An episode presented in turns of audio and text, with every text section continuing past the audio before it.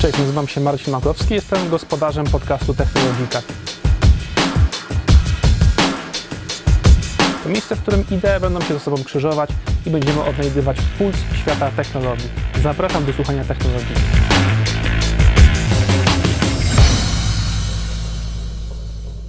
Cześć, w tym odcinku Technologiki mam przyjemność gościć Piotra Koniecznego, założyciela niebezpiecznika.pl, jednego z największych i najstarszych serwisów zajmujących się cyberbezpieczeństwem. Piotr jest specjalistą właśnie w tej dziedzinie, od 16 lat pomaga największym polskim i zagranicznym firmom w zabezpieczaniu ich sieci przed atakami. Jest również wykładowcą e, AGH w Krakowie, e, zdobywcą bardzo wielu nagród branżowych, e, no i człowiekiem, który wie, jak sprawić, żeby nasz internet, wasza sieć były bezpieczne i właśnie na te tematy będziemy rozmawiać, bo to są tematy, które już dawno mm, wyszły z takiej branży czysto IT e, i niszowej do świata naszej codzienności. Jesteśmy spamowani SMS-ami, które nakłaniają nas do wykonywania operacji, które potem czyszczą nasze konta. Państwo jest też e, domeną cyberwojny y, i takiej coraz bardziej realnej cyberwojny, nie tylko tej w domenie hakerów, których oglądaliśmy w filmach z lat 90. i 2000. Witaj serdecznie, Piotrze. Cześć. To jest temat y, dzisiaj numer jeden w każdym podcaście technologicznym. Y, to jest taka pluskwa milenijna końcówki lat 90. albo Web 3.0, NFT czy Bitcoin tej mm, drugiej dekady lat 2000 teraz to jest AI. Wszyscy o tym rozmawiają. Sztuczna inteligencja wywróciła stolik. E, dzisiaj właściwie każdy chce mieć zaimplementowaną sztuczną inteligencję, tą generatywną, od strony obrazów, generowanie tekstu, treści, ale czy to jest też taki game changer, używając tego języka mm, często obecnego też w polityce, e, w dziedzinie cyberbezpieczeństwa? Czy sztuczna inteligencja jest e, czymś, co zmienia mm, grę w Twojej dziedzinie, w Twojej domenie? Wiesz co, może zacznijmy tak dla purystów, którzy nas słuchają, e, takim disclaimerem, że e, sztuczna inteligencja to, to jest słowo, którego używamy na wyrost i jest takim słowem jak adidasy, określeniem na, na buty potocznym. Natomiast tak naprawdę to, co w kontekście cyberbezpieczeństwa ta tak zwana sztuczna inteligencja ma do zaoferowania, no to bardziej fachowo nazwalibyśmy uczeniem maszynowym, czyli generalnie e, takim procesem, który polega na tym, że mm, pewne algorytmy obserwują różne sygnały, które do nich docierają, na przykład z sieci komputerowych, smartfonów użytkowników w danej sieci i podejmują decyzję, czy zachowania w danej chwili, ruch internetowy w danej chwili jest anomalią czy nie jest anomalią. Bo ty pytałeś, czy sformułowałeś swoje pytania po części o sztucznej inteligencji w cyberbezpieczeństwie. Także w tym naszym świecie cyberbezpieczeństwa to po prostu są pewnego rodzaju mechanizmy, które mają na celu ułatwienie administratorom sieci, osobom, które są w defensywie, które chronią ciebie, mnie mhm. E, i innych Polaków, szybciej zauważyć pewne zagrożenia. I to no, nie jest nic spektakularnego, można powiedzieć. Większość naszych słuchaczy, prawdopodobnie kiedy słyszy sztuczna inteligencja, to ma na myśli chat GPT, który tam w końcówce poprzedniego roku zrobił furorę. Tak bo zwana kiedy... generatywna, od, mm, w odróżnieniu od tej, która już jest obecna pewnie od wielu, wielu lat, prawda, o której ty mówisz, wyłapująca jakieś anomalie, czy standaryzująca zachowania maszyn. No właśnie, no właśnie. A to w, w dużym skrócie polega na tym, że e, algorytm przewiduje, jakie słowo w wypowiedzi następne e, byłoby najbardziej e, sensowne, mówiąc tak już bardziej technicznie. W świecie cyberbezpieczeństwa ciężko jest to zrobić, dlatego że mm, tak naprawdę atakujący, czy większość ataków, która jest, e, powiedziałbym, e, wyjątkowa, ciekawa, często polega na tym, żeby robić właśnie inne rzeczy niż różnego rodzaju urządzenia, my, my to żartobliwie nazywamy TLS-y, czyli literowe skróty, bo to jest IPS, IDS, WAF i szereg jeszcze innych skrótów, które w sieciach są obecne, mhm. nie były w stanie wykryć działań atakującego. Bo tu musimy zwrócić uwagę na jedną bardzo ważną rzecz. Film, firmy, które e, mają budżety na cyberbezpieczeństwo, ogromne, większe, nie wiem, niż budżet Polski na obronność kraju, no może nie z ostatniego roku, ale, ale wcześniej, one były hakowane. One są hakowane, one będą hakowane. Ja znowu używam słowa hakowane w, w rozumieniu, że ktoś naruszy, wygeneruje jakiś incydent bezpieczeństwa, czyli dojdzie mhm. tam do czegoś groźnego. I niestety nie istnieje stuprocentowe bezpieczeństwo. E, jeśli ktoś mówi o tym, że jest w stanie zapewnić stuprocentowe bezpieczeństwo komuś, no to jest albo szarlatanem, albo tak naprawdę, nie wiem, mówimy o jakimś krytycznym scenariuszu, kiedy zamykamy się w jaskinie, w, jas w jaskini i, i, nie mamy dostępu do internetu, ale pewnie nikt z nas dzisiaj nie chciałby e, żyć w takiej sytuacji. E, więc włamania będą. Natomiast dzisiaj tak naprawdę świat cyberbezpieczeństwa mm, skupia się na tym, żeby tak zwany incydent bezpieczeństwa A jak najszybciej wykryć, zauważyć, że on w ogóle jest. Co, co, nie jest takie proste, bo często atakujący bardzo długo jest w sieci, słucha sobie, uczy się i dopiero później wykonuje działania typu ekstrakcja danych czy jakiś sabotaż. Jak taki typowy złodziej, który obserwuje nawyki zachowania, powtarzalność na przykład mieszkańca jakiegoś apartamentowca, którego chce obrobić, tak? Dokładnie tak. E, i, I to jest pierwsza rzecz, nie? że te, te incydenty zawsze będą. E, natomiast e, ich wykrycie to jest, to, jest, to, jest, to jest pierwszy krok, który należy zrobić, ale jest później drugi, bardzo ważny krok. Poprawna obsługa tego incydentu. Są różne incydenty, od ataków DDoS, od włamań, od szyfrowania i tak. I teraz kluczem jest to, żeby mieć gdzieś zespół, który jest w stanie zrozumieć, co się stało, do czego ten atakujący miał dostęp, co może na podstawie informacji już pozyskanych zrobić i szybko należy zareagować, tak żeby poodcinać poszczególne segmenty sieci, poudnieważniać dostępy czy klucze, do których atakujący się dostał, czyli generalnie kontrolować tą sytuację ale my powinniśmy wszyscy myśleć o tym, że te ataki z nami będą, że nie da się ich wyeliminować, więc musimy się, moim zdaniem, bardziej przygotować no, w formie takiej trochę prewencyjnej, tak? Czyli co ja i ty dzisiaj możemy zrobić, zakładając, że prędzej czy później ktoś zhakuje jakąś firmę, z której usług korzystamy, która ma nasze dane, żeby ewentualny atak na tą firmę i pozyskanie tych danych był dla nas jak najmniej dotkliwy. I zwróć uwagę, że ja powiedziałem jak najmniej dotkliwy, bo nie da się zrobić tak, żeby był niedotkliwy. Niestety, no zawsze będziemy mieli jakąś, mm, nazwijmy to niedogodność, tylko cała sztuka polega na tym, żeby ona była jak najmniejsza. Mhm, no wiadomo, jak jest jakiś zamek, to zawsze jest jakiś klucz, którym można go otworzyć, albo wytrych, nie ma sejfu, którego nie da się zrabować tak naprawdę. Yy, ale mm, ja zastanawiam się nad tym, czy generatywna właśnie sztuczna inteligencja, już to, to rozróżnienie tutaj padło, w jakiś sposób umożliwia większą kreatywność osobom, które chciałyby to bezpieczeństwo naruszyć. Czy to jest tak, że mhm. słynny chat GPT, to też umownie używamy tego mm, nomen omen wytrychu w rozmowie, to jest coś, co zmienia również rynek bez cyberbezpieczeństwa, bo na przykład potrafi generować masę zapytań podobnych do języka mhm. ludzkiego y, i nawet nie mówię o jakichś wybitnych mm, technologicznych nowinkach, no ale na przykład, nie wiem, może łamać zabezpieczenia udając, że klient czegoś mhm. się domaga od systemu. Wiesz co, no ja mam z tym o tyle mm, e, problem, że e, to, w czym akurat ChatGPT mógłby pomóc atakującym, to jest pisanie lepszych maili. Pewnie mhm. dostałeś takiego maila, gdzie w Zimbabwe ktoś obiecuje ci dolary, jest to napisane łamaną polszczyzną, widać, że to jest jakiś Google Translate niedorobiony, albo nawet po angielsku i tak dalej. Więc takich skamów jest całkiem dużo. Sztuką jest y, przygotować taki skam brzmiący dość wiarygodnie na warstwie słownej w języku, którym nie władasz. Musisz się posiłkować różnego rodzaju tłumaczami. I tutaj jest ten element, który jest pewnego rodzaju narzędziem pomagającym atakującym w tym, żeby ten mail był lepiej dopasowany. Ale z drugiej strony spójrz na to w ten sposób, że jak ja obserwuję ten rynek od wielu lat, to przez te wiele lat maile naprawdę beznadziejnie napisane i tak trafiały na podatny grunt. Hmm, więc po co to robić? Druga rzecz.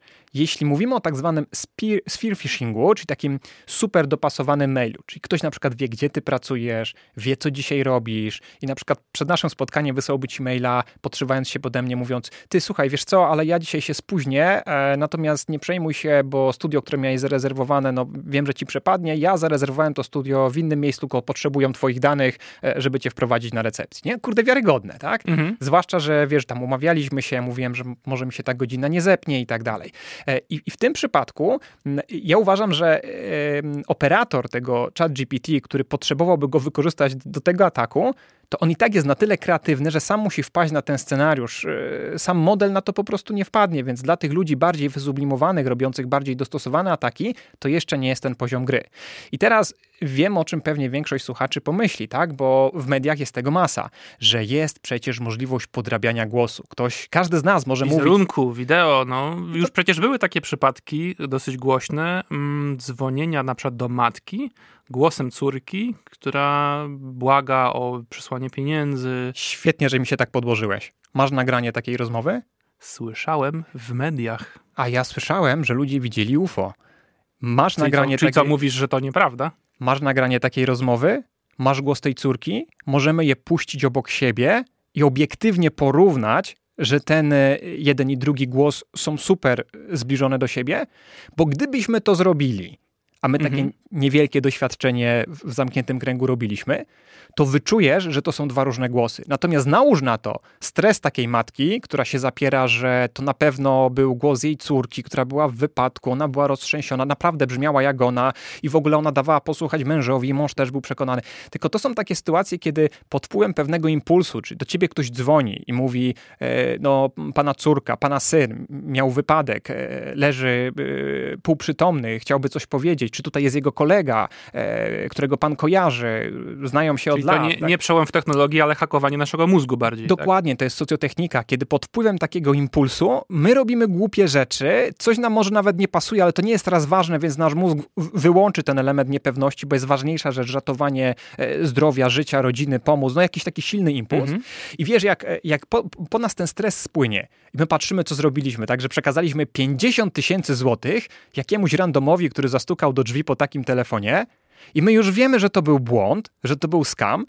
I teraz są media, które się zgłaszają, to ty będziesz mówił, no nie, no jestem debilem, dałem się podejść, e, no kurde, no niestety, czy będziesz mówił, przysięgam, przysięgam, że to była moja córka, bo takich ataków mieliśmy sporo i za każdym razem pracownik na przykład, który autoryzował przelew na kilka milionów e, dolarów wychodzący, bo prezes do niego dzwonił, to był głos prezesa na pewno, no jakby w interesie tego pracownika jest mówić do końca, bo nikt nie ma dowodu, nie ma nagrania tej rozmowy, że to był bardzo wiarygodny głos prezesa, że to był deepfake, tak? Tego się używa jak słowa wytrych. Ja teraz nie neguję, że jest możliwość podrobienia głosu idealnie. No ja ale... słyszałem Kanye Westa, który śpiewał piosenkę, której nigdy nie nagrał, więc o czym ty... Tylko popatrz, e, ile razy, bo, bo, tego też nie wiemy, tak? Ile razy ktoś, kto robił remastering tego, e, tej piosenki, ją dostosowywał, poprawiał jakieś tam fragmenty, akcenty, żeby to brzmiało jak najbardziej wiarygodnie. Był taki um, case robiony przez dziennikarza zagranicznych mediów, który chciał się uwierzytelnić swoim głosem w banku. W Polsce też takie banki mhm. są, które po głosie e, poznają, tak? I dziennikarz na bazie narzędzia bardzo dobrego, swoim głosem je wyszkolił, nauczył mówić, to narzędzie nie było w stanie przejść przez tą barierę weryfikacji. Dopiero po różnych tweakach, po kilku podejściach, to się udało po odpowiednim spowolnieniu. I teraz, czy ty jesteś w stanie real time, w trakcie interakcji, wiesz, z płaczącą matką, którą chcesz okraść, robić takie tweaki, żeby to brzmiało wiarygodnie?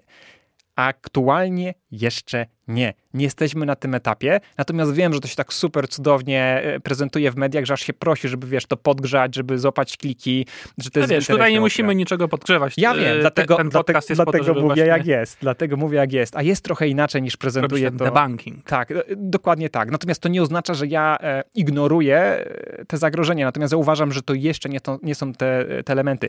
Jak popatrzysz na przykład na mm, e, napaść Rosji na Ukrainę, Mhm. I to, ile było e, prób wypuszczenia takich deepfake'ów, e, że Zeleński to, że telefon od kogoś tam gdzieś. Mamy kilka takich przykładów, które są med do mediów wypuszczone. Jaka e, duża społeczność analityków na to patrzyła, jak szybko pokazywała różne rzeczy, które są błędne, jak łatwo było wykryć, że to jest deepfake. A jeśli mówimy o tym konkretnie konflikcie, no to możemy się spodziewać, że po drugiej stronie jest przeciwnik, który ma odpowiednie zasoby, odpowiednią motywację, żeby zaprezentować no, takie rozwiązania technologiczne, które byłyby super wiarygodne. Na chwilę obecną w publicznie istniejącej debacie nie zaprezentowano niczego takiego, co no, byłoby, mm, można powiedzieć, nie do podważenia. E, natomiast jest ciekawa rzecz, bo nie wiem, czy pamiętasz, e, było, było takie nagranie e, z jakiegoś, kurczę, już nie pamiętam, co była za, e, za okazja, ale był Putin przy długim stole, były osoby chyba jakiejś steward Odessy, nie chcę teraz nikogo e, obrazić, ale może przekręcam. E, był, był, były kwiaty na stole, były ujęcia z różnych kamer, było takie propagandowe wideo wypuszczone. I tam był taki motyw, kiedy Putin e, odsuwał, czy ruszał ręką i ta ręka przechodziła jakby, wiesz, a przez, tak, tak. przez Próbowano udowodnić, że on w rzeczywistości siedzi w jakimś bunkrze, tak, był, a jego tam nie było. Tak? A to nie była prawda. To w rzeczywistości było prawdziwe nagranie. Oczywiście tam było pocięte. Czy Ma kwestia różnicy odświeżania kamery. Kompresji tak, obrazu kompresji i tak obrazu. dalej. Ale tam niektórzy robili takie analizy, że pada, patrzyli jak promienie się odbijają od słońca, gdzie były światła. Że nie ma odbicia tak, na stole. I, i, no, dla, nie ma odbicia, bo ludzie zapominają perspektywie o wielu innych rzeczach, więc mhm. to, czego ja się dzisiaj obawiam, bardziej niż e, zastosowania generatywnego AI do jakichś ataków, to to, że mamy pierdyliardy ekspertów internetowych, którzy dość wiarygodnie, odpowiednim językiem będą w przypadku materiału prawdziwego mówili, że to jest deepfake i pokazywali jakieś dowody, w które, w które część społeczeństwa uwierzy, a w przypadku materiału fałszywego będą mówić, że to nie jest fałsz, bo to jest prawdziwe, bo, bo to i tamto. Czyli mamy tutaj klasyczny problem tego, że większości normalnych ludzi brakuje dzisiaj zdolności technologicznych, możliwości rozumienia technologii na takim poziomie, żeby być w stanie samodzielnie, wiarygodnie określić, czy coś jest prawdziwe, czy fałszywe. I teraz można powiedzieć, że no doszliśmy do takich czasów, gdzie to jest super e, trudne, skomplikowane. No nie możemy oczekiwać, że ludzie byliby w tym szkoleni w szkołach. Ale jeśli cofniemy się trochę, to teraz spójrz na to, że w gazetach też pisze się coś. Jak przeciętny człowiek ma ocenić, czy to jest prawda, czy fałsz, jeśli go tam nie było. Więc moim zdaniem my tkwimy dalej w tym samym problemie, tylko po prostu przeniesionym na, na inną jakość jakby narzędzi czy prezentacji tego problemu, a problemem jest to, czy poszczególni e, uczestnicy naszego społeczeństwa, jednego, drugiego obozu, są w stanie logicznie myśleć, ze sobą dyskutować, porównywać fakty i zachować mm, pewną taką, e, nie chcę powiedzieć obojętność, ale neutralność poglądową.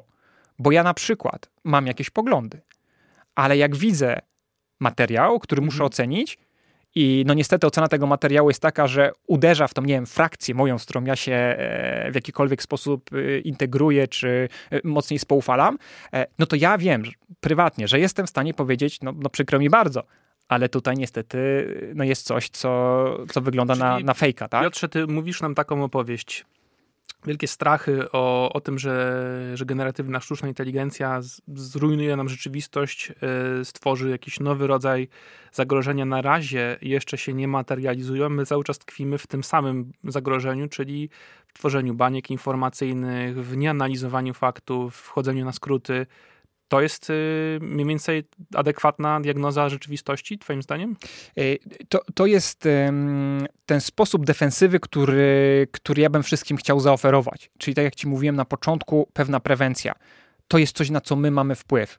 My, ja, ty, niezależnie od zasięgów, my nie mamy wpływu na to, czy ktoś te modele jajowe będzie dalej rozwijał, wdrażał, w jakim kierunku one pójdą. Możemy się domyślać, bazując na tak zwanym educated guess, że tego się nie powstrzyma. Listy Ilona Maska i innych osób, które mówią, że sztuczna inteligencja nas kiedyś zabije, no nie spowodują bana. To, że Włochy weszły w banowanie, to nie oznacza, że inne kraje wejdą. To, że są dylematy prawne, to przy wszystkim są dylematy prawne i zawsze się je jakoś obchodzi. To, że dzisiaj nie jesteśmy w stanie filtrować internetu w wielu krajach, bo jest podnoszenie kwestii cenzury, a w innych krajach jest, bo hazard, bo dziecięca pornografia, pornografia, bo coś tam.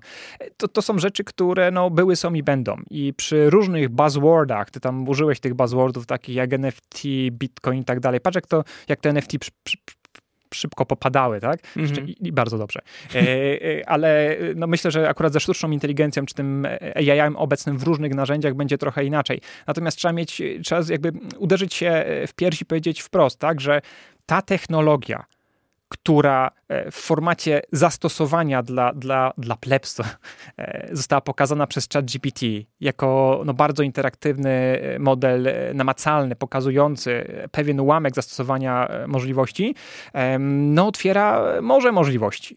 Natomiast algorytmy, naukowcy, e, datasety, e, e, to już było obecne. No, przecież w innych narzędziach wcześniej też pewnego rodzaju no, ale to funkcje, nie, wiesz, były dostępne. często mm, tego, czy wynajdujemy coś zupełnie nowego, tylko czy, um, czy umiemy tę technologię wprowadzić pod strzechy. Tak? Marketing, wirusowość. Jasne, jak najbardziej. I to jest ta różnica, bo widzisz, wygenerować zdjęcie papieża Franciszka w kurtce puchowej przypominającej jakiegoś fancy rapera, z językiem młodzieży tak zwanej, y, to, to potrafiliśmy 10 lat temu. I, I 20 lat temu zapewne. Tak. Ale nagle takie zdjęcie wchodzi y, do debaty globalnej, ludzie sobie je wysyłają. Sam dostałem od znajomych to słynne zdjęcie papieża Franciszka w tej białej, takiej jakiejś puchowej mhm. kurt, kurtko płaszczu takim puchowym. No i z pytaniem, ej, co to, Franciszek takie coś założył? A wystarczyło, tak jak mówisz, no, zrobić zooma przysłowiowego. W tym przypadku spojrzeć tylko na palce, na ręce. Dłonie, tak? połowę krzyża, gdzieś tam jakiś kubek, który się zlewa z tą kurtką. Tam tych sygnałów to było tyle, że aż krzyczały. Ale Wiesz, tak bardzo nie chcemy ich widzieć, albo oglądamy to na takich malutkich smartfonach, że po prostu nie widzimy tego. Dokładnie. Jakbyśmy wyszli teraz przed radio na ulicę i pewnie zapytali, wiesz, losowych 15 osób, czy to zdjęcie jest prawdziwe, czy nie, to, to, to nie chcę zgadywać, jakby się rozłożyło, ale na pewno byśmy znaleźli kogoś, kto by powiedział, tak, ja widziałem je w internecie, że to był duży skandal albo coś takiego. I to jest ten mój problem, że brakuje nam takiej edukacji i takich narzędzi, e, w mhm. które każdy z nas powinien być od młodego wyposażony, żeby zachować zimną krew przy ocenie pewnych rzeczy, e, no, których nigdy się nie nauczymy, wiesz, bo, bo nie nauczymy się, tak? Ja już w pewnych sytuacjach i tu broń Boże, nie chcę się, nie wiem, stawiać w jakimś na, na piedestale, tak, ale ja w pewnych sytuacjach mi już brakuje wiedzy i zdolności, ja muszę się e, zrobić telefon do przyjaciela, tak, który mocniej siedzi w technologii, żeby się czegoś dowiedzieć, bo nie jesteś w stanie śledzić wszystkiego. To się po prostu wykładniczo e, rozwija i to no jest to ten problem, prawda. przeładowanie informacjami. A propos przeładowania informacjami TikTok. E, banować, nie banować. Ogólnoświatowa dyskusja, narzędzie coraz bardziej okazuje się również y, hakujące nie tylko nasze Aha. głowy, ale też bezpośrednio nasze życia. Ostatnio przypadek Ech. amerykańskiej dziennikarki, założy, która założyła konto własnego kota. Sama nie była obecna na TikToku, ale pisała na temat TikToka, była dziennikarką technologiczną. Y, okazało się, że firma śledziła ruch jej smartfona w czasie rzeczywistym niemalże, y, korelując go z położeniem swoich pracowników, chcąc sprawdzić, czy któryś z nich nie jest informatorem. Nie przeraża cię to? Nie, zrobiłbym dokładnie to samo na miejscu działu IT w TikToku, gdybym dostał case'a z góry, że słuchajcie, ktoś od nas z pracowników wycieka informacje. No dobra, no ale skąd wiedzieli, że ta dziennikarka to profil tego kota? Ona ani tam nie była podpisana, ani swojego nie miała. Eee... Sweet baby Jesus. No, widzisz. Czy ty wiesz, że każde nasze urządzenie ma unikatowy fingerprint, że mamy numery telefonów, mamy adresy IP, że podajemy w formularzach różne dane, że są ciasteczka?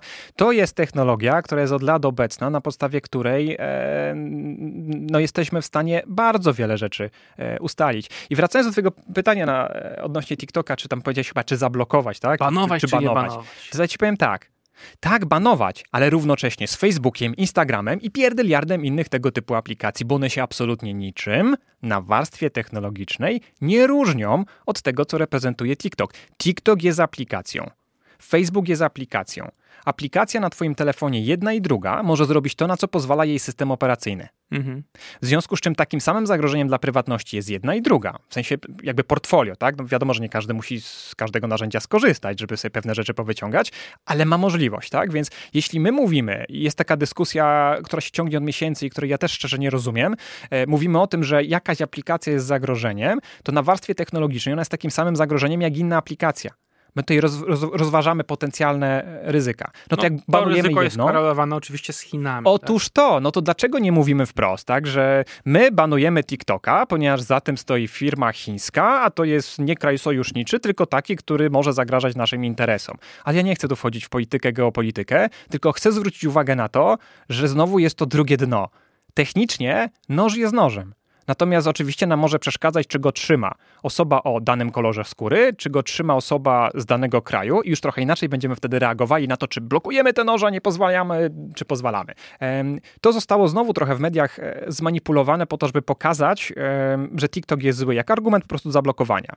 I to jest w sumie chyba świetna strategia prawników, którzy na to wpadli, czy kogokolwiek, kto, kto, kto sterował tym kryzys managementem albo, albo chciał, żeby tam TikToka pogrążyć. Bo jeśli spojrzymy na to zupełnie, yy, obdzierając ten incydent z yy, emocji, tak, czy to TikTok zrobił, czy ktoś inny, to każda firma, w której pojawi się taki incydent, że ktoś z naszych pracowników wycieka informacje, będzie chciała coś zrobić i to będzie robiła wszystko, co ma w swojej możliwości, żeby ustalić, kto to jest. Ja znam przypadki w Polsce firm, które jak się w mediach pojawiły, na przykład zdjęcia e, zablokowanych ekranów, bo firma dostała ransomwarem i pracownik to podesłał do mediów, media nagłośniły, no trzeba, wiesz, kryzys obsłużyć mhm. PR-owo, więc to jest problem dla firmy. E, to co robili pracownicy działu IT? ściągali kamery z absolutnie każdego magazynu, każdego oddziału w Polsce i szukali, kto był z telefonem przy ekranie i analizowali wszystkie te osoby. Jakby cel był ten sam. Tutaj pracownicy TikToka pewnie powiedzieli, no dobra, mamy wielu pracowników, ponieważ my wiemy, gdzie oni są, bo mamy ich sprzęt podpięty pod jakiś system zarządzania, tak? Mniej więcej wiemy, w jakich miastach się znajdują, kto jechał na delegację, kto spał w jakim hotelu i tak dalej. No i mamy też dziennikarza z redakcji, która ten materiał zrobiła. Tak? To są te trzy czy cztery profile, bo prawdopodobnie nie, nie tylko patrzyli na profil tej dziennikarki, tylko na kilka innych, a że ty, tylko no, zapewne to, to było tak. szersze. No i to co robimy? No mamy dwie listy, gdzie e, w danym czasie te osoby z jednego i z drugiego zbioru się znajdują i patrzymy, gdzie się przetną. No to, to nie oznacza, że to jest stuprocentowy dowód, ale to może nam e, skłonić nas do znalezienia jakichś informacji. To są te same techniki, z których korzystają organy ścigania. Tylko no znowu, tutaj jest dylemat, dylemat pewien moralny, bo czy firma, która dysponuje danymi użytkowników, przekazywanymi przecież w zupełnie innym celu, może sobie te dane wykorzystać do tego, żeby Wiesz, tam argument był jeszcze wyżej postawiony, to znaczy dlaczego firma miała dostęp do możliwości śledzenia telefonu To nie jest możliwość śledzenia w znaczy, czasie rzeczywistym. No tak przynajmniej przedstawia no ale właśnie, o to, dziennikarka. O to chodzi. To jest w interesie dziennikarki, z całym szacunkiem dla niej i dla materiału, który wyprodukowała. Jeśli ty otworzysz jakąkolwiek stronę, wejdziesz na jakąkolwiek stronę, jakbyś otwierał niebezpiecznika co 5 minut, też mógłbym ci powiedzieć, że cię śledzę co 5 minut, bo widzę, czy się łączysz teraz z Radia Kraków, za chwilę się łączysz z od siebie z domu, powiedzmy od operatora na U, e, później jedziesz do swojej firmy, tam masz operatora na O, e, później jedziesz w delegację, to jest inne miasto, po adresach IP, po samych adresach IP, po ładowaniu obrazków, ja jestem w stanie powiedzieć, gdzie ty się znajdujesz w danym czasie, Czyli jeśli wiem, że ciasteczko, czy jako użytkownik niebezpiecznika, no bo nie przejmujemy użytkowników, nie mamy rejestracji, ale gdyby tak było, no to mógłbym też wypisać, gdzie jesteś. Zwróć uwagę, że jeśli e, na przykład do serwisu dużego dostarczającego pocztę zwrócą się organy ścigania i powiedzą, ten użytkownik nas interesuje, tu mamy e, odpowiednie papiery sądowe, proszę im powiedzieć, gdzie on się znajdował, to taka wirtualna Polska, Onet czy ktokolwiek inny, bo za granicą również, przekażą ci listę i też będziesz mógł powiedzieć wtedy, że no o, oni śledzili użytkownika w czasie rzeczywistym. No nie, oni mają logi, a logi pokazują, o której godzinie, kiedy, ktoś korzystał z danego serwisu. Czyli my sami sobie te drzwi uchylamy, a potem się dziwimy, że ktoś nas obrabował, tak? O to właśnie mi chodzi, tak? A, prewencja. Prewencja. Jak ta, tą prewencję tutaj na tym się zastosować? Możemy anonimizować nasz adres z którego się łączymy. Możemy zmieniać urządzenia, możemy za każdym razem serwisowi podawać inne dane. Tylko tu jest pewien konflikt, bo jeśli ty chcesz być influencerem pod swoim imieniem i nazwiskiem, no to trochę ciężko, nie? Żeby na Facebooku założyć lewe konto jakiegoś randoma, a później czerpać profity z tego, nie wiem, podsyłanego do recenzji sprzętu czy czegokolwiek innego. Więc świadomość tego, ile prywatności my musimy poświęcić, żeby w internecie dzisiaj egzystować, moim zdaniem jest kluczowa i o tym nikt nie mówi. O tym absolutnie nikt nie mówi. I może dobrze, Wiesz, bo takie wpadki, e, tutaj mamy akurat zupełnie inny przypadek na, na warstwie moralnej, to musimy twardo odciąć, tak? Ale takie wpadki popełniają też przestępcy. I dzięki temu przestępców w internecie można namierzyć, bo oni właśnie zapomnieli, że gdzieś podali jakąś dane, że się raz zalogowali z innego urządzenia, raz z innego, albo że raz ze sobą wzięli komórkę, którą wykorzystywali do przestępstw razem ze swoim telefonem. Jak podróżowali po Polsce, to można było na poszczególnych BTS-ach zobaczyć, gdzie się odbijała ta lewa komórka, czyli złodziej nam podróżuje, nie wiemy kto to jest, mhm. ale na tej samej trasie, w tym samym momencie odbija się tylko inny jeden telefon. No to kurde, te dwa telefony podróżowały razem. Albo dwie osoby obok siebie, no może pociąg, raczej nie, bo droga nam się nie pokrywa z e, żadnym tam trakiem e, kolejowym, e, no to może to jest ta sama osoba, nie? która ma dwa telefony. Tak swoją drogą wpadł jeden z przestępców. Ten kij ma dwa końce. Piotrze, obserwujesz te wszystkie sprytne metody mm, znalezienia luk i w systemach, i w naszym umyśle aby wkraść się, wykraść nam dane, pieniądze. Mm, jakie ostatnio najbardziej kreatywne sposoby na oszustwa w internecie widziałeś, co budzi twój niepokój? Bo już powszechną praktyką jest wysyłanie SMS-ów z paczką z impostu czy z innego operatora, które wyglądają praktycznie jak wygenerowane przez tego dostawcę i, i z jakąś prośbą o dopłacenie niewielkiej, niewielkiej kwoty. Jest cała masa informacji, które wyglądają również na, na, na, na przykład na wiarygodne od banku, od sieci telefonii komórkowej, z jakąś prośbą o login, uzupełnienie danych. Yy, czy to jest ten dzisiaj złoty standard, mówiąc tak oczywiście z gorzką ironią, czy już są jakieś nowe rodzaje zagrożeń, przed którymi może powinniśmy przestrzec teraz y, słuchaczy podcastu, y, bo masz wiedzę wyprzedzającą trochę wydarzenia, może jakiś nowy trend zaobserwowałeś? E, to, o czym powiedziałeś, czyli te e, ataki przez SMS-y czy maile phishingowe masowe, to, to, to, to jest od lat i to istnieje. Coś, co przez ostatnie, mm, no już teraz lata się nasilało, e, to były te same ataki, tylko z wykorzystaniem dodatkowo spoofingu telefonicznego. Na czym polega spoofing? Każdy z nas, chociaż o tym nie wie, może zadzwonić do innej osoby z dowolnego numeru, na przykład numeru telefonu matki albo ojca tej osoby jak tak będziemy dzwonili do, tego, do tej naszej ofiary, to ona na telefonie nie będzie widziała naszego numeru, tylko będzie widziała numer swojej matki ojca i będzie myślała, że z nim rozmawia. Oczywiście po głosie pozna, że to nie jest matka ojciec, ale telefon, smartfon wiarygodnie zaksięguje otrzymanego SMS-a w konwersacji, w historii rozmów z, z matką albo ojcem, no albo tą rozmowę pokaże, tak jak mamy matkę albo ojca wpisanego w mhm. książkę kontaktową. I przestępcy e, od kilku już lat wykorzystują tą technikę, podszywając się, spufując numery telefonów infolinii polskich banków, albo BIK-u, albo policji, albo szeregu jeszcze innych instytucji. Dzwonią i tutaj wiesz już, no, no, znasz swojego konsultanta bankowości po głosie? Hm, właśnie. E, i oni... Musiałbym się zastanowić nad swoim życiem, nie wiem, czy z dobrej, czy z złej strony, gdybym znał. No właśnie. I, I, na tym bazują e, oszuści, ponieważ e, oni będą mówili, że dzwonią jako pracownik e, banku, albo to jest, to jest lepszy motyw, to jest tak, dzień dobry, dzwonię z Biku, proszę się nie przejmować, pożyczka, o którą pan rano wnioskował, została panu przydzielona, tylko jest jeden problem z wnioskiem, mianowicie y, kod pocztowy z jakiegoś powodu nieczytelny, możemy go w rozmowie telefonicznej uzupełnić, nic pan nie musi wysyłać, te pieniądze będą już dzisiaj wieczorem. No i teraz większość osób po takim telefonie mówi, ale ja nie mhm. wnioskowałem o żadną pożyczkę. A po drugiej stronie dzwoniący z numeru infolinii Bika, prawdziwej, tak, jak sprawdzimy, to zobaczymy, że to jest ten numer, powie tak, ale, ale jak to? No to, to, w takim razie to mamy duży problem, bo pewnie przestępcy wykradli panu dane. E, to musimy szybko reagować. Mm, proszę mi powiedzieć, w jakim e, banku ma pan konto. Ja za chwilę przekażę to wewnętrzną infolinią, bo mamy do takiej dostęp do działu bezpieczeństwa. Oni do pana zadzwonią. E, to może być połączenie I z telefonu. Złodziej przychodzi i mówi łapać złodzieja. No, Dokładnie tak. I ty teraz chcesz, żeby ci ten pierwszy złodziej pierwszego poziomu jakby pomógł. Jest też mu wdzięczny, tak? Że on cię poprowadzi, że miał wiele takich przypadków, że, że wykrył, że to jest e, tak zwane oszustwo, fraud mm, tylko że to jest, to jest wiesz, takie, takie, taki, taki pierwszy hak, e, który on cię zahacza, a potem ten atak jest taki, jak był przez dziesiątki ostatnich e, lat ale ty już nie jesteś tak czuły, bo ciebie ta, ta pierwsza, inicjalna rozmowa super przekonała do tego, że właśnie ktoś ci ratuje e, tyłek. Więc znowu prewencja nas tutaj może uratować. A jak pytałeś o takie, no bo to jest klasyka, mhm. o czym powiedziałem, tak? E, ten spoofing może był mm, e, e, nagłośniony mm, w, na początku poprzedniego roku, e, kiedy politycy chwalili się w mediach społecznościowych nagraniami, że z numeru właśnie córki, albo żony, albo męża. Morderca głosem wygenerowanym. Tak, tak, tak, tak, dokładnie dokładnie tak, e, to ta sama technika była wykorzystywana. I, I wyobraź sobie, że dopiero wtedy, jak te znane osobistości, polityczni influencerzy, popsioczyli w mediach, no to było takie ruszenie, że hmm, to może zaadresujmy ten problem. A jak od dwóch lat wstecz wcześniej Polacy byli codziennie okradani na miliony złotych, to nikt nie kiwnął palcem. Także może to jest też taka, taka podpowiedź, nie? Jak się chce coś w Polsce zmienić, trzeba mieć ofiarę, która jest politykiem i wtedy nagle coś się ruszy. Albo musi się to wydarzyć w centrum Warszawy, no to wtedy wszyscy się o tym dowiemy.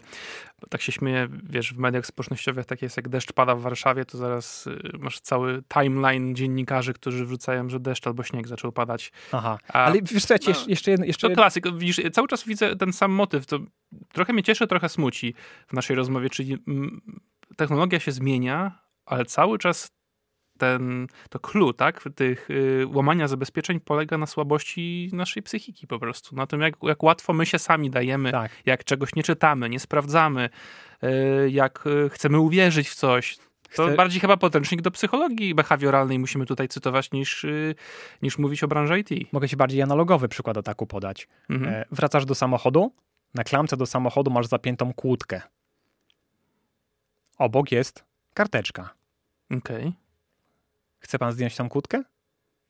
Proszę o kontakt na Messengerze. A tam złodziejek mówi, to jest kłódka szyfrowa, żeby było jasne, tak? Okay. E, e, a tam złodziej mówi, ja podam ten kod, ale wcześniej poproszę o kod karty tam powiedzmy do Netflixa, Apple Store'a. Wiesz, na stacjach benzynowych czy w wielu sklepach są takie mhm. karty z drapie, tak, tak, tak? Na 50 zł, 100 zł. No i dasz mu kod taki, który działa, on ci poda kod. I teraz, U, teraz się zastanów, czy jedziesz i sobie rysujesz e, samochód i cię denerwuje, że to tak dynda, e, e stuka, czy mówisz, kurde, ale mnie zrobił, tak, nie mam czasu, nie wiem, wzywać e, jakiegoś ślusarza, nie będę zgadywał kombinacji 10 tysięcy, e, nie wiem, jak otwierać kłódkę fragmentem puszki po Coca-Coli, to, to, to, jednak tam dam mu te 100 złotych. No, to nowe, nie znałem. Nowe nie znałeś, no. To ciekawe, ale mówię to oczywiście z perspektywy, nie chciałbym nigdy w życiu tego doświadczyć, ale to tylko pokazuje, jaka kreatywność panuje w tej dziedzinie. E, a słuchaj, jeszcze taka, taka rzecz, e, chyba każdy widział albo słyszał, wystawiasz przedmiot na Elixa i za chwilę dostajesz informację na Messengerze, na, nie, przepraszam, na WhatsAppie zazwyczaj. Mhm, tak. E, czy to jest jeszcze aktualne ogłoszenie? No, piszę tak, to jest jeszcze aktualne ogłoszenie. A czy możemy się umówić? I tam już dalej jest konwersacja. Tak, tak. Jak to działa? To działa tak, że jest kilkanaście grup przestępczych, które monitorują OLX-a, Allegro lokalnie, szereg innych serwisów, e, takich nazwijmy to sprzedaży peer-to-peer, nie tylko w Polsce, również w innych krajach. I w momencie, kiedy pojawiają się tam ogłoszenia, z automatu osoby, które gdzieś w treści ogłoszenia umieściły numer telefonu, są kontaktowane, najczęściej właśnie przez WhatsAppa, bo to jest kanał komunikacji, którego dana platforma nie kontroluje. Czyli jak... No nie jest wewnętrzna komunikacja wewnątrz OLX-a, tak na przykład. Tak? No tak, jakby ci ktoś przesłał e, jakąś taką komunikację poprzez wewnętrzne kanały, tam wiadomości w danym serwisie, no to często różnego rodzaju rozwiązania antyfrodowe, o, sztuczna inteligencja wspierająca wykrywanie ataków w danym serwisie, tak? E, a bardzo często może się okazać, że to jest zwykły człowiek, który to czyta, e, zaflagowałby to, że tu mhm. jest coś, coś nie tak i być może cię uchronił. No ale przestępcy kontaktują się z tobą zupełnie innym kanałem komunikacji. Twoja chęć sprzedaży tego starego wózka dla dziecka, tych nart z zeszłego roku, czy czegokolwiek innego, jest tak duża, że, że ty w ogóle nie myślisz, że on do ciebie napisał na WhatsAppie, bo z tego WhatsAppa korzystasz ze wszystkimi. W sumie to jest spoko, nie? O, jaki fajny, sprzedający, ma Whatsappa. E, no ale to tak naprawdę chodzi o to, żeby, żeby się komunikować tak, żeby nikt nie zauważył. No a potem znowu socjotechnika, tak. No to ja to już kupiłem, e, wie pan co, ja zapłacę za kuriera, więc ja już w ogóle wygenerowałem e, etykietkę, tak, tak, tak, pan musi kliknąć tutaj, żeby odebrać pieniądze od kuriera, to trzeba podać oczywiście swoje dane, no bo skąd kurier ma wiedzieć, kim my jesteśmy, żeby nam zapłacić? No to musimy podać dane, więc to wygląda wiarygodnie. Jeśli ktoś pierwszy raz sprzedaje na tej platformie i nie wie, jak to działa, to jest szansa, że się na to złapie, zwłaszcza dlatego, że właśnie w ciągu pierwszych kilku minut, a często nawet sekund, bo takie przypadki też znam, mm, już oszuści się kontaktują w sprawie zakupu. A potem jest klasyka, tak? Wyłudzenie zazwyczaj numeru karty płatniczej i kodu z SMS-a czy z powiadomienia w aplikacji mobilnej, po to, żeby podpiąć taki, taką kartę płatniczą ofiary do swojego telefonu, Apple Pay'a, e, Google Wallet e, i płacić tym w sklepach. Tak, tak przestępcy to robią. To jeszcze, jeszcze kolejny przykład z tej inżynierii wstecznej. Jak to mogło być zrobione? Mm, przykład z własnego życia mam. Mm, zawsze bronię swojej karty płatniczej, to jest mhm. oczywiste. Mniej więcej wiem, jak działają te wszystkie oszustwa, na tyle, na ile mogę wiedzieć. Czytasz niebezpiecznika. Czytam niebezpiecznika. Y, i wyobraź sobie, mm, jedyny trop, który miałem, byłem miesiąc na stypendium w Stanach, mija mm, po tym stypendium może 3-4 miesiące i z mojej karty, yy, które używam tylko na Apple Payu, nie miałem jej fizycznie tam ze sobą, nagle w jakimś sklepie mm, z meblami, jakimś dziwnym w Ameryce, tak, ktoś dokonuje płatności na 0 centów i 0 dolarów. Mhm.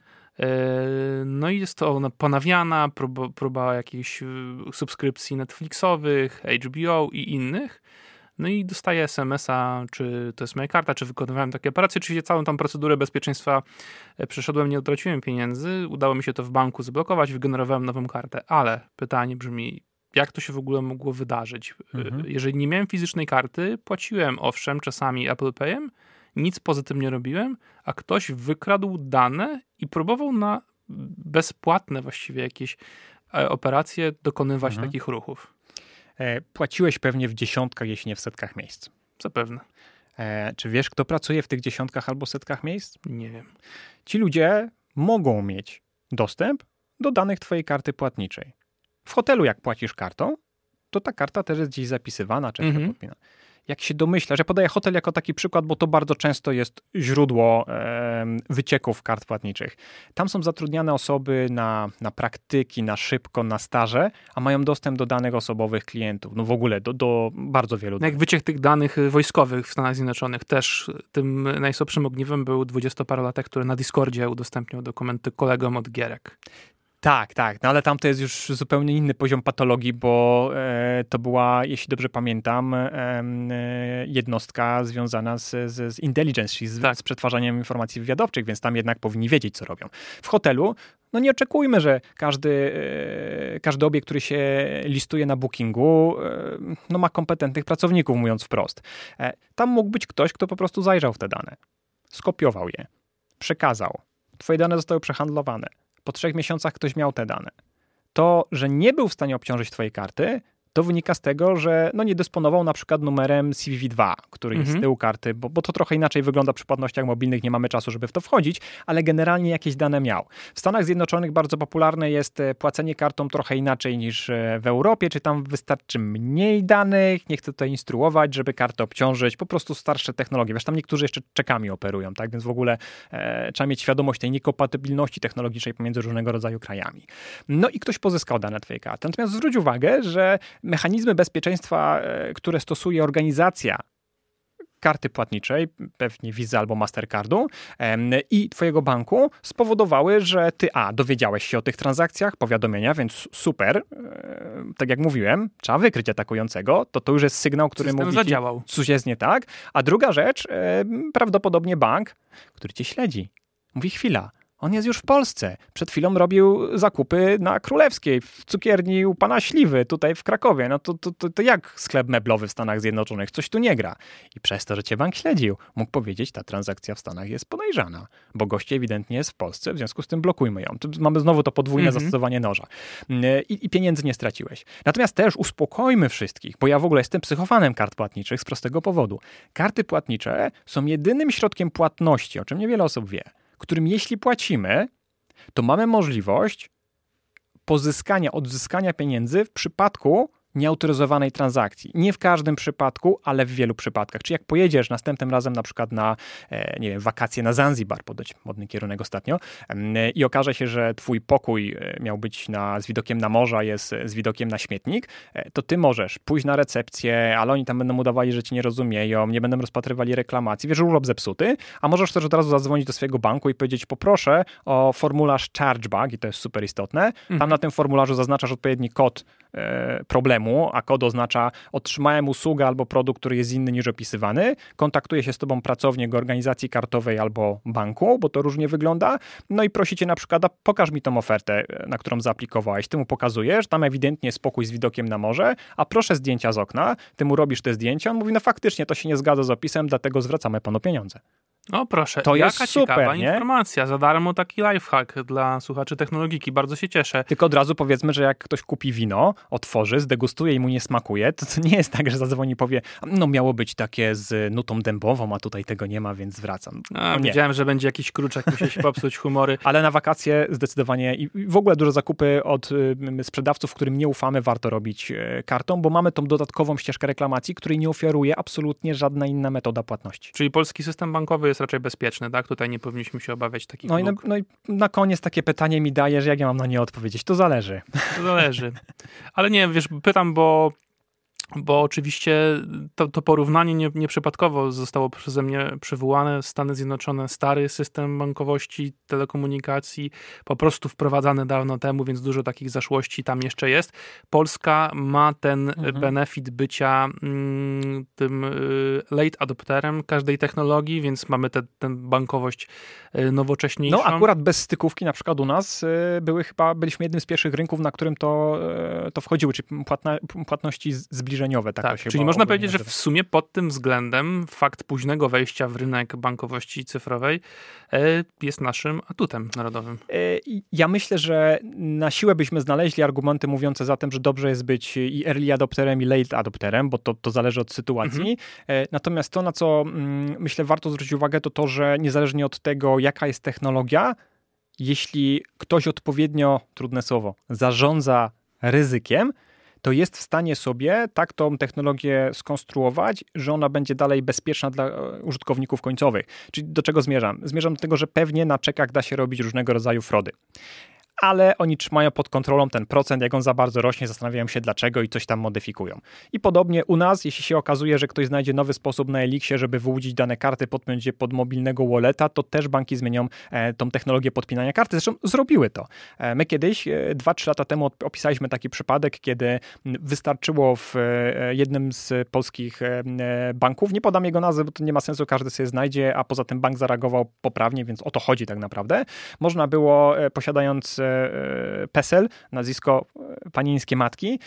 No i oczywiście e, dodatkowe informacje, ale takie no do znalezienia, podpiąć się właśnie pod rachunek, czy aplikację mobilną tego banku zainstalować mhm. u siebie na smartfonie, no i do wysokości limitu transakcji mobilnych zczyścić konto. Ten limit był wtedy tam kilkanaście tysięcy złotych. Teraz po pierwsze, jak banki zareagowały? Obniżyły ten limit do piątki, bo być może to są w stanie z jakiegoś tam ubezpieczenia ogarnąć, a może niektóre e, jeszcze bardziej obniżyły ten limit. No a po drugie, e, ta procedura spięcia rachunku nie polega już na wadliwej e, komunikacji z klientem, która polegała na tym, że się bank dzwonił na twój numer i lektor mówił, będziesz spinał aplikację DDD, dyktuje ci kod, do, który musisz podać. Jak ktoś to robił, to, to wie o czym mówię, tak?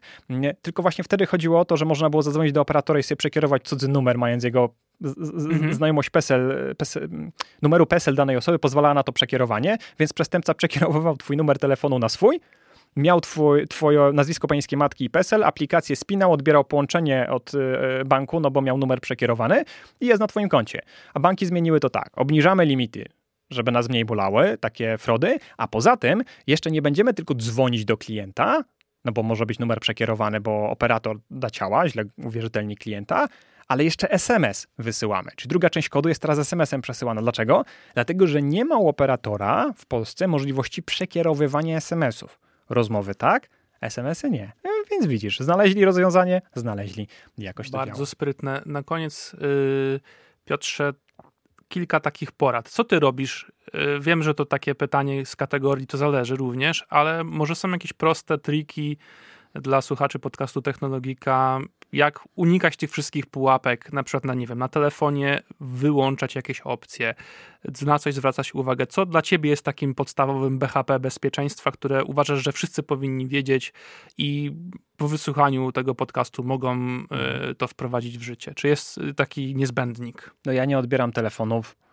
bardzo późno odpowiadam na maile, Myślę, że to mnie chroni przed większością ataków, dlatego że jak już bym chciał na przykład odpisać na tego maila, czy kliknąć w nim w link, to ta strona już pewnie będzie dawno położona, bo te ataki jednak trwają e, kilka chwil. Ale mówiąc zupełnie poważnie, no to to jest ta prewencja. Tych rad jest, e, jest tak dużo, że moglibyśmy, wiesz, o tym pięć odcinków nagrać.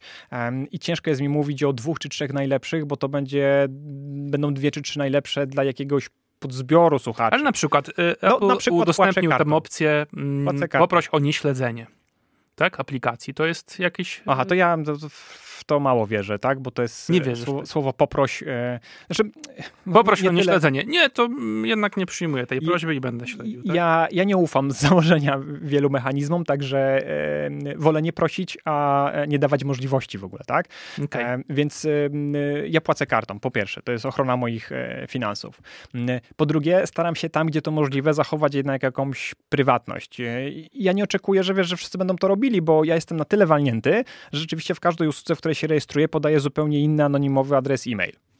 No, wymaga to wysiłku. Co prawda, jak się ma iClouda płatnego, to można sobie jednym kliknięciem takie losowe mm, aliasy mailowe generować, które są przekierowane na twój poprawny adres e-mail, ale przed czym mnie to chroni? No, mnie to chroni przed tym, że jak e, wyciekną dane z firmy X, Y i Z i te bazy będą krążyły po polskim internecie i ktoś prowadzi mój adres firmowy, tak, Piotr Konieczny, niebezpiecznik.pl, no to nic nie zobaczy, bo ja się na tego maila nie rejestruję. A jak wprowadzi twój adres e-mail, powiedzmy prywatny, który można poznać, e, no to zobaczy, że masz konto na Facebooku, na TikToku, gdzieś tam jeszcze, gdzieś tam, z wszystkich wycieków, z których wyciekły dane, pod twoim rekordem pozbiera sobie te rzeczy i już naprawdę wiele się o tobie dowie. Akurat używam ciebie jako przykład, ale nie twierdzę, jakby, że, że ty korzystasz z tego maila. Natomiast wiele osób w każdym miejscu podaje ten sam numer telefonu. Cholera, no bo to jest wygodnie mieć jeden numer telefonu, tak? Ale ludzie nie wiedzą, że są aplikacje, w których mogą sobie wirtualne numery telefonów wygenerować i jeden z tych wirtualnych podać dzisiaj kurierowi, jak zamawiałem żarcie, jutro podać w jakiejś aplikacji, aplikacji, trzeci w aplikacji randkowej, piąty jak się starają o pracę na Civicach, no te wszystkie numery gdzieś zostaną, tak? One będą krążyły. Jak kiedyś powyciekają dane, to ktoś wpisując, znając nasz numer telefonu, wpisując go w odpowiednie miejsce, już dzisiaj takie miejsca istnieją, dostanie tak naprawdę dossier, jak w amerykańskich filmach z Jamesem Bondem, kiedy ktoś tam, ej, sprawdź mi takiego gościa, tak? To wystarczy numer telefonu dzisiaj, czy adres e-mail, te dwa e, najczęstsze e, identyfikatory, z których ludzie korzystają, tych samych niezmiennie, żeby wyciągnąć ich dane z Facebooka, Twittera, bo, bo z tych serwisów powyciekały dane, z Morele, bo z tego serwisu powyciekały dane i wiesz, z każdego z tych wycieku masz albo adres zamieszkania, bo coś zamawiałeś z dostawą, albo to, że to była karma dla psa, więc już wiadomo, że masz psa, to może e, pomóc w jakichś atakach, tak? Tylko no to jest kwestia tego, że my dzisiaj, korzystając z internetu, z aplikacji, no, świadomie czy nie, e, część tej naszej prywatności zostawiamy w rękach, mm, których nie kontrolujemy. E, więc e, ja wolę podejść do tego w taki sposób, żeby tych informacji zostawiać jak najmniej. Tylko to, to jest ciężkie, bo ja mam wiedzę, jak to funkcjonuje od drugiej strony, tak? Bo w momencie, kiedy my testujemy bezpieczeństwo różnych serwisów. E, to ja wiem, jak one są zbudowane, ja wiem, jak te procesy wyglądają, ja wiem, jak właśnie te działy wewnętrzne IT tropią tych likerów, tak? Więc dla mnie to nie jest zaskoczenie, że dziennikarka została tutaj e, mhm. strakowana. Natomiast to nie jest wiedza, która jest powszechna dla każdego. No jak ktoś czyta niebezpiecznika, no to, to pewnie tak, może się zapoznać z różnego rodzaju jakby technikami, bo, bo je opisujemy, kiedy one są istotne i kiedy mogą zwiększyć e, prywatność. Natomiast ja też nie oczekuję, że każdy w Polsce będzie czytał niebezpiecznika. Chciałbym, no ale to tak nie działa. Z drugiej strony, jakby jakbyś mnie zapytał, czy ja się czuję no bezpiecznie, to może nie, e, ale bezpiecznie pod kątem finansowym, jak wychodzę z e, mojego warsztatu samochodowego, to ja ci powiem, że, że, że nie. E, bo ja na przykład, jak, mi, jak dostaję fakturę po przeglądzie i widzę tam jakieś pozycje, których nazw nie rozumiem, bo nie jestem mechanikiem samochodowym i widzę, ile one kosztują, no to mówię, no to dobrze, to, to płacę, tak? I to przypuszczam jest ten sam mechanizm, który ma większość osób, jak pierwszy raz korzysta z Elixa. I mówię, to, to dobrze, to ja wezmę tą etykietę od od kuriera, tak i podam te dane, może tak trzeba. Tylko, że no znowu, ja jestem świadomy, że e, na tej fakturze powinno być e, do 5 tysięcy złotych za przeglądanie więcej, później już moja brew wskoczy do góry i zadzwonię do przyjaciela i też mam ten komfort, że mogę te 5 tysięcy złotych zapłacić. Natomiast problemem dzisiaj jest to, że wielu Polaków korzysta z internetu, i korzysta z tego z internetu w sposób, nie chcę powiedzieć nieodpowiedzialny, ale w sposób nieprzeszkolony, nie będąc świadomym pewnego rodzaju zagrożeń, w internecie, w bankach internetowych, na komputerze ma dostęp do swoich oszczędności całego życia i jak popełni jeden błąd, to nie jest jedno kliknięcie, bo to jest przejście przez formularz. Nie jak mówią często media, tak, tu kliknęła i straciła dorobek życia. Nie, to była godzinna rozmowa i parę innych złych decyzji, ale wciąż możliwych do wykonania przez osobę, która się nie zna. No to efekt jest taki, że ci ludzie tracą oszczędności całego swojego życia.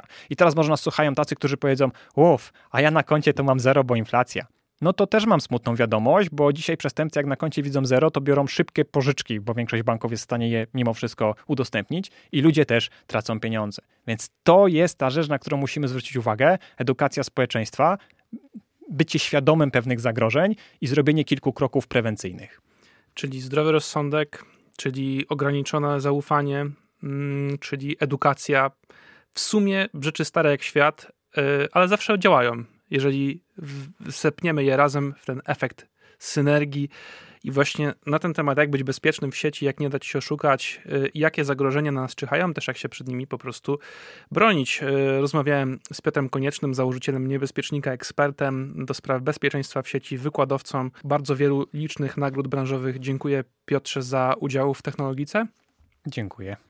A podcast poprowadził Marcin Makowski. Do usłyszenia w następnym odcinku.